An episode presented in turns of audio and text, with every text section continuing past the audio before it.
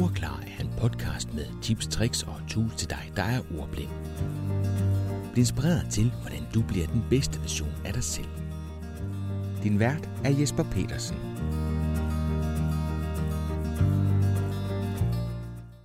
Der er lang tid siden, jeg har lagt et podcast op, men øh, desværre har Desværre har eksamen fyldt rigtig meget, øh, hvilket har gjort, at øh, det har taget meget af min tid.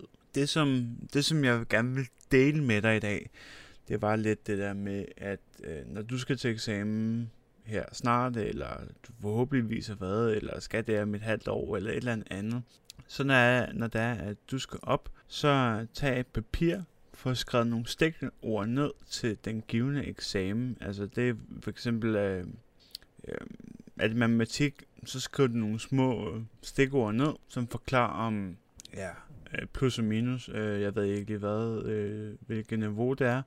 Men, men sådan overordnet nogle, nogle små stikord. Det, det skal ikke være sådan noget fyldskørtende tekst, fordi er det sådan noget fyldskørtende tekst, så, så sidder du bare og kigger ned i, øh, i øh, en, i, i en, en ja, hvad, et papir, og, og, og så, så mister du ofte øh, bare sådan øh, overblik over, hvad, øh, hvad er det for noget tekst og så videre. Så min klare anbefaling til dig, det er, at når du skal til eksamen, så øh, få skrevet nogle enkelte små stikord ned. Det kan være sådan noget som, øh, du skal gøre sådan her, punktum.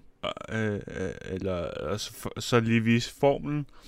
Øh, eller... Øh, Øh, du skal ikke begynde at skrive sådan noget som, ja, men der er fordele og ulemper ved at gøre sådan her, sådan her, sådan her, og sådan her, og sådan her.